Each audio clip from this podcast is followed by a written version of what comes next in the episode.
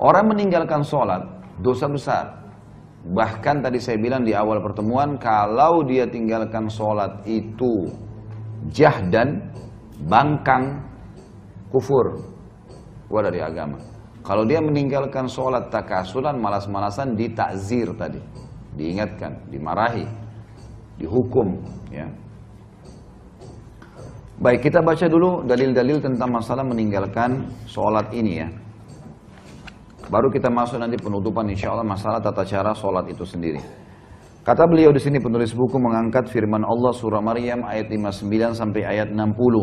A'udzu billahi minasyaitonir rajim fa khalafa min ba'dihim khalfun adha'us salata wattaba'us syahawat fasawfa yalqauna ghayya illa man taba wa amana wa amila salihan fa ulaika yadkhuluna jannata wa la yudlamuna syai'a. Tentu ibu-ibu yang pegang buku, ada di ayat yang saya baca di atas, ada titik-titik disambung di bawah di footnote ya. Sambungan ayatnya ada di bawah itu. Footnote nomor tiga. Ya. Maka datanglah sesudah mereka, orang-orang yang tidak sholat itu efeknya bahayanya adalah akan datang generasi setelah mereka juga yang tidak sholat. Gitu. Kan. Dan setiap orang yang meninggalkan sholat maka pasti akan mengikuti hawa nafsunya dan mereka kelak akan menemui kesesatan. Nggak ada lagi panduan. Kalau tidak sholat, udah hilang semuanya nih. Sholat ini penenang jiwa. Kecuali orang yang taubat, beriman dan mengerjakan kebaikan, maka mereka itu akan masuk surga dan tidak didolimi sedikit pun. Ini dalil yang pertama tentang masalah meninggalkan sholat. Ya, larangan, ada ancaman. Mereka akan sesat kalau tidak sholat. Kemudian dalam surah Al-Ma'un ayat 4 sampai ayat 5 bunyinya a'udzubillahi minasyaitonir rajim fawailun lil musallin alladzina hum an salatihim sahun. Maka celakalah bagi orang-orang yang salat yaitu orang-orang yang lalai dari salatnya. Lalai jadi dia salat kapan dia mau. Tadi saya bilang meninggalkan salat secara malas-malesan. Kemudian ada satu tempat di neraka namanya sakar. Sakar ini tempat untuk menyiksa orang yang tidak sholat. Allah sebutkan dalam surah Al-Muddathir ayat 42 sampai 43. Al-Muddathir ayat 42 sampai 43. Tentu yang pegang buku bisa lihat di situ. Kalau yang pegang, bukan, belum punya bukunya bisa uh, lihat ya. Uh, apa namanya buka Quran di HP-nya. A'udzu billahi minasyaitonir rajim. Ma salakakum fi saqar? Qalu lam nakum minal musallin apa para malaikat nanti akan tanya mereka orang-orang yang masuk neraka sakar tuh apa yang membuat kalian masuk ke dalam neraka sakar mereka menjawab kami dahulu tidak termasuk orang-orang yang mengerjakan sholat jadi jelas ancamannya akan masuk ke dalam neraka Nabi SAW bersabda, Al-ahadul ladhi bainana wa bainam tarkus salat, eh, Al-ahadul ladhi bainana wa bainam salat, faman tarakah faqad kafar. Hadis ini sahih riwayat Tirmidzi dalam Kitabul Iman. Dan Ibnu Majah juga dalam kitab Iqamah was Salah was Sunnah fiha. Hakim juga menyebutkan dalam Mustadrak. Ya, dan ini beliau juga mensahihkannya dan Imam Az-Zahabi juga penulis buku kita ini juga mensahihkannya. Yang berbunyi perjanjian yang ada antara kita dengan mereka adalah solat. Maksudnya perbedaan dasar antara kita dengan orang-orang kafir adalah solat. Maka barang siapa yang meninggalkannya maka dia telah kafir. Dianggap kafir kalau dia meninggalkan solat secara jahdan tadi, paksa. Enggak, saya enggak mau solat. Kemudian juga dalam hadis Nabi SAW yang berbunyi, manfaatathu salatul asri habita amalu. Barang siapa yang luput melaksanakan sholat asar sebagai bentuk pengingkaran ya, maka amal ibadahnya telah gugur. Dihapus amal ibadahnya semua. Ini ruginya gitu kan. Jadi di antara lima waktu sholat ini, sholat yang paling afdal adalah asar. Datang setelahnya subuh dan isya. Datang setelahnya duhur dan maghrib. Baik bukan bertidur sama maghrib tuh tidak ada fadilah, ada. Ini lima waktu sholat, tapi kalau kita susun sesuai dengan urutannya maka asar yang paling tinggi. Kemudian baru masuk subuh sama isya. Gitu ya. Kemudian hadis Nabi SAW yang lain, ya ini semua ada disebutkan di footnote-nya. Hadis riwayat Imam Muslim dalam Kitabul Iman dan juga Abu Daud dalam Kitabus Sunnah, Tirmidzi dalam Kitabul Iman. Kata Nabi SAW, "Bainal abdi wa bainal syirki tarkus salat." antara seorang hamba dengan kemusyrikan adalah meninggalkan sholat. Hadis yang lain riwayat Imam Ahmad juga Al-Mundiri menyebutkan dalam Targhib Tarhib dan Beliau mengatakan atau berkata diriwayatkan oleh Ahmad dan Baihaqi dan para perawi-perawi Imam Ahmad semuanya thiqah, dapat terpercaya.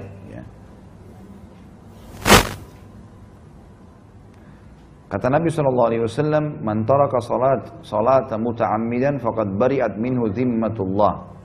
Barang siapa meninggalkan sholat secara sengaja maka sungguh jaminan Allah telah lepas darinya. Maksudnya jaminan makanan, jaminan minuman. Kita semua ini ibu-ibu sekalian kalau jaga lima waktu sholat maka dipastikan semua yang kita butuh hari itu dipenuhi sama Allah. Udaranya, cahayanya, makanannya, minumannya Allah kasih semua. Asal jaga waktu lima waktu sholat. Karena dia menciptakan langit dan bumi. Dia menciptakan semuanya. Umar bin Khattab berkata, "Ama innahu la hadza fil Islam li ahadin adha'a as-salah." Ketahuilah tidak boleh diberikan kedudukan sedikit pun dalam Islam bagi seseorang yang menyia-nyiakan atau meninggalkan sholat.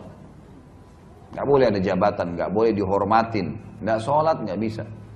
Sampai para ulama mengeluarkan sebuah hukum fikih bahwasanya seorang wanita termasuk udur syar'i cerai sama suaminya kalau suaminya nggak sholat lima waktu. Masuk dalam udur syar'i. Dia nggak dilaknat kan perempuan kalau minta cerai tanpa udur syar'i kan dilaknat sama Allah. Gitu kan?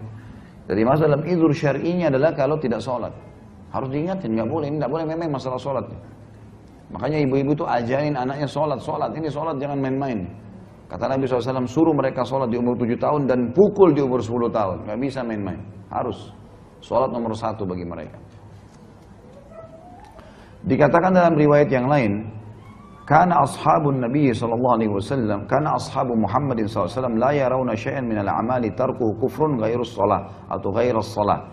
Ini disebutkan oleh Abu Hurairah anhu, sahabat Nabi yang mulia.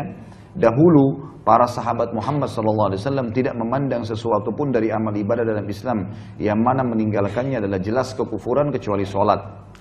Nah, ini diriwayatkan oleh Hakim dalam Mustadrak dan juga diriwayatkan oleh Tirmidzi tanpa menyebutkan Abu Hurairah radhiyallahu anhu. Ibnu Hazm berkata, Ibnu Hazm ini seorang ulama dari dari Spanyol ya, zaman dulu ini ulama muslim. Setelah syirik mempersekutukan Allah tidak ada dosa yang lebih besar daripada menunda sholat hingga habis waktunya dan membunuh seorang mukmin tanpa alasan yang benar. Saksi bahasan kita masalah meninggalkan sholat. Kemudian hadis yang lain juga Abu Hurairah meriwayatkan Rasulullah SAW bersabda, "Awwalu ma yuhasabu bihi al-'abdu yawmal qiyamah min 'amalihi salatuhu." Fa in salahat faqad aflaha wa anjah wa in fasadat faqad khaba wa khasir. Amal yang paling pertama kali dihisap pada hari kiamat dari seorang hamba adalah solatnya. Jika solatnya bagus maka dia beruntung selamat. Dan sebaliknya jika solatnya kurang maka dia gagal dan rugi. Hal ini dihasankan oleh Imam Tirmidzi. Nabi kita Muhammad SAW memastikan bahwasanya kita atau beliau diperintahkan untuk diperintahkan untuk ya apa namanya e, memerangi orang-orang sampai mereka sholat. Sebagaimana hadis beliau, umir tuan uqatilan nasa hatta yashhadu an la ilaha illallah wa anna Muhammad Rasulullah wa yuqimus shalah wa yu'tuz zakah fa in fa'alu dzalika asamu minni dima'ahum wa amwalahum illa bihaqqil Islam wa hisabuhum 'ala Allah. Aku diperintahkan oleh Allah untuk memerangi manusia sampai mereka mengucapkan syahadat Asyhadu an la ilaha illallah Rasulullah. Aku bersaksi tidak yang berhak disembah kecuali Allah. Muhammad adalah hamba juga utusannya. Lalu mereka mendirikan solat, mereka membayar zakat. Apabila mereka telah melaksanakannya, maka mereka telah maka mereka telah melindungi darah dan harta mereka dari bahayaku, kecuali disebabkan hak Islam oleh dan perhitungan mereka kembali kepada Allah. Nah, jadi memang Islam ini diperintahkan oleh Allah SWT kepada Nabi SAW untuk disebarin sampai mereka syahadat, sholat dan zakat. Kalau mereka melakukan maka mereka telah aman. Jadi saksi bahasan berarti ada ancaman orang yang tidak sholat. Kemudian hadis yang lain, tentu saya bacakan semua dalilnya. Saya agak percepat karena sudah mau jam 11 ya. Saya ada acara ceramah lagi tentunya. Saya akan bacakan dalilnya selanjutnya adalah hadis Bukhari Muslim. Anna rajulan qal dari Abu Sa'id radhiyallahu anhu an rajulan qala ya Rasulullah ittaqillah qala wailaka awalastu ahaqqu ahli al-ardi an yattaqillah an yattaqiyallah faqala Khalid bin Walid radhiyallahu anhu ala adribu unukahu ya Rasulullah? Faqala la la'allahu an yakuna yusalli. Bahwasanya seseorang laki-laki pernah berkata kepada Nabi SAW bertakwalah takutlah kau kepada Allah. Jadi kalimat ini berat sebenarnya kalau dalam bahasa Arab. Jadi seakan-akan kau ini salah gitu loh. Takutlah sama Allah. Maka Nabi SAW sempat marah sama orang itu sambil berkata, ada apa denganmu? Bukankah aku adalah penduduk bumi yang paling berhak untuk takut sama Allah? Aku harus yang paling takut sama Allah. Kenapa harus kamu katakan itu? Maka sahabat Nabi yang lain namanya Khalid bin Walid radhiyallahu berkata, "Ya Rasulullah, boleh saya penggal lehernya orang ini?" Ini ngaco nih masa ngomong gitu. Saya penggal aja ya Rasulullah. Kata Nabi SAW, jangan. Barangkali dia termasuk orang yang melaksanakan sholat. Ternyata sholat ini menahan orang dari dibunuh gitu. Padahal dia sudah menghina Nabi SAW. Gitu kan. Jadi saking pentingnya sholat itu. Di dalam hadis yang lain, kata Nabi SAW, Man lam yuhafiz ala salati lam yakun lahu nur, wala burhan, wala najah, wa kana yawmal qiyamati ma qarun, wa fir'aun, wa haman, wa ubay bin khalaf. Tapi tentu di sini masih diperselisihkan ulama tentang kesohian hadisnya ya. Cuma di sini Imam Ghazali mengangkatnya karena dia penguat saja. Barang siapa yang tidak menjaga sholat maka dia tidak dapat cahaya, bukti yang nyata, maksudnya pertolongan dan tidak pula keselamatan dan pada hari kiamat dia bersama Korun, Fir'aun, Haman dan Ubay bin Khalaf. Terakhir ibu-ibu sekalian adalah dari Nabi SAW yang beliau berkata kepada Muadz bin Jabal, "Ma min abdin yashhadu an la ilaha illallah anna Muhammad abduhu wa rasuluhu illa harramallahu 'alan nar." Tidak ada seorang hamba yang bersaksi tidak Tuhan yang berhak disembah kecuali Allah. Kemudian dia juga mengatakan Muhammad adalah utusan Allah, melainkan Allah akan mengharamkan maginya untuk masuk neraka. Maksudnya adalah di sini kata ulama hadis syahadat ini akan meng, akan mendorong orang untuk melengkapkan rukun Islamnya. Maka setelah itu dia akan kerjakan sholat, dia akan kerjakan zakat, dia akan puasa, dia akan haji. Dan kalau dia kerjakan itu dia akan dapat jaminan surga. Kata penutup Imam Zabi, maka orang yang menunda sholat hingga habis waktunya adalah orang yang menanggung dosa besar. Kalau ada orang sengaja undur-undur-undur duhur misalnya. Sampai azan asar, oh saya belum sholat nih, baru sholat. Itu dosa besar. Tetap dia sholat, tapi tunda-tunda. Sampai keluar dari waktunya, ini sudah dosa besar.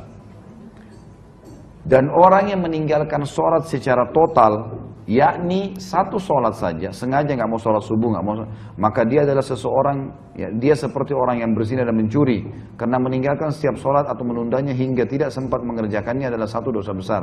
Jika seorang melakukan itu berulang kali, maka dirinya adalah termasuk orang-orang yang gemar melakukan dosa-dosa besar, kecuali apabila dia bertaubat dan jika terus-menerus meninggalkan sholat, maka dia termasuk di antara orang-orang yang merugi dan celaka serta durjana. Dalam arti kata bisa masuk pada tingkat kekufuran.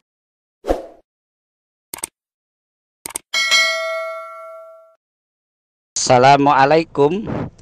Untuk pemesanan paket umroh murah Bisa menghubungi 0821